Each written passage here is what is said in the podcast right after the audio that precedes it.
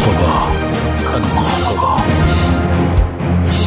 أهلا بكم. من راتب شهري لا يتعدى 12 دولارا إلى ثروة تقدر ب 37 مليار ونصف المليار دولار. نتعرف اليوم على القصة الملهمة لأغنى رجال الصين والعصامي الذي انطلق من الصفر. إنه جاك ما مؤسس موقع علي بابا الذي ولد في كنف أسرة فقيرة في حقبة الصين الشيوعية. كان الفشل رفيق دربه في الدراسة وفي الوظيفة. رسب مرتين في المرحلة الابتدائية وثالثة في المرحلة الثانوية. كما أخفق في الالتحاق بالجامعة لمرتين قبل أن ينجح في الثالثة. ويلتحق بجامعة ينظر إليها كأسوأ جامعة في مدينته.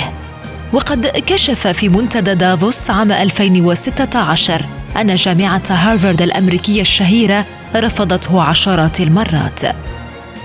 ظل الفشل ملازما للشاب الصيني بعد التخرج. رفضت طلباته للالتحاق بعشرات الوظائف قبل أن يعين في النهاية مدرسا للغة الإنجليزية باحدى الجامعات المحلية براتب هزيل لا يتعدى 12 دولارا. وضع دفعه للبحث عن مصادر أخرى للدخل. فسافر إلى الولايات المتحدة عام 95 للعمل كمترجم.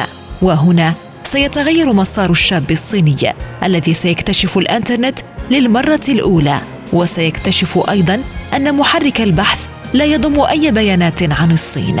وحين عودته إلى الوطن قرر إطلاق موقع إلكتروني عبارة عن دليل للأعمال التجارية.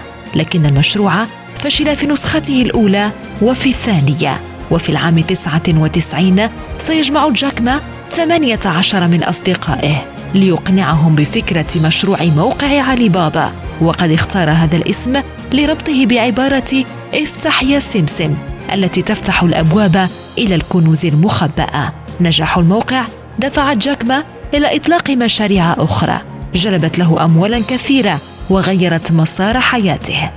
قصة ما؟ الذي انطلق بلا مال ولا علاقات تلهم الكثير من الشباب. ويستمع طلاب الجامعات لمحاضراته بكل اهتمام وشغف. ينصحهم بأخذ زمام الأمور والتحرك لإطلاق مشاريعهم بدلا من انتظار الوظائف الحكومية أو الخاصة. وهو الذي قال يوما إن أكبر الثروات في العالم حققها أناس استغلوا الفرص.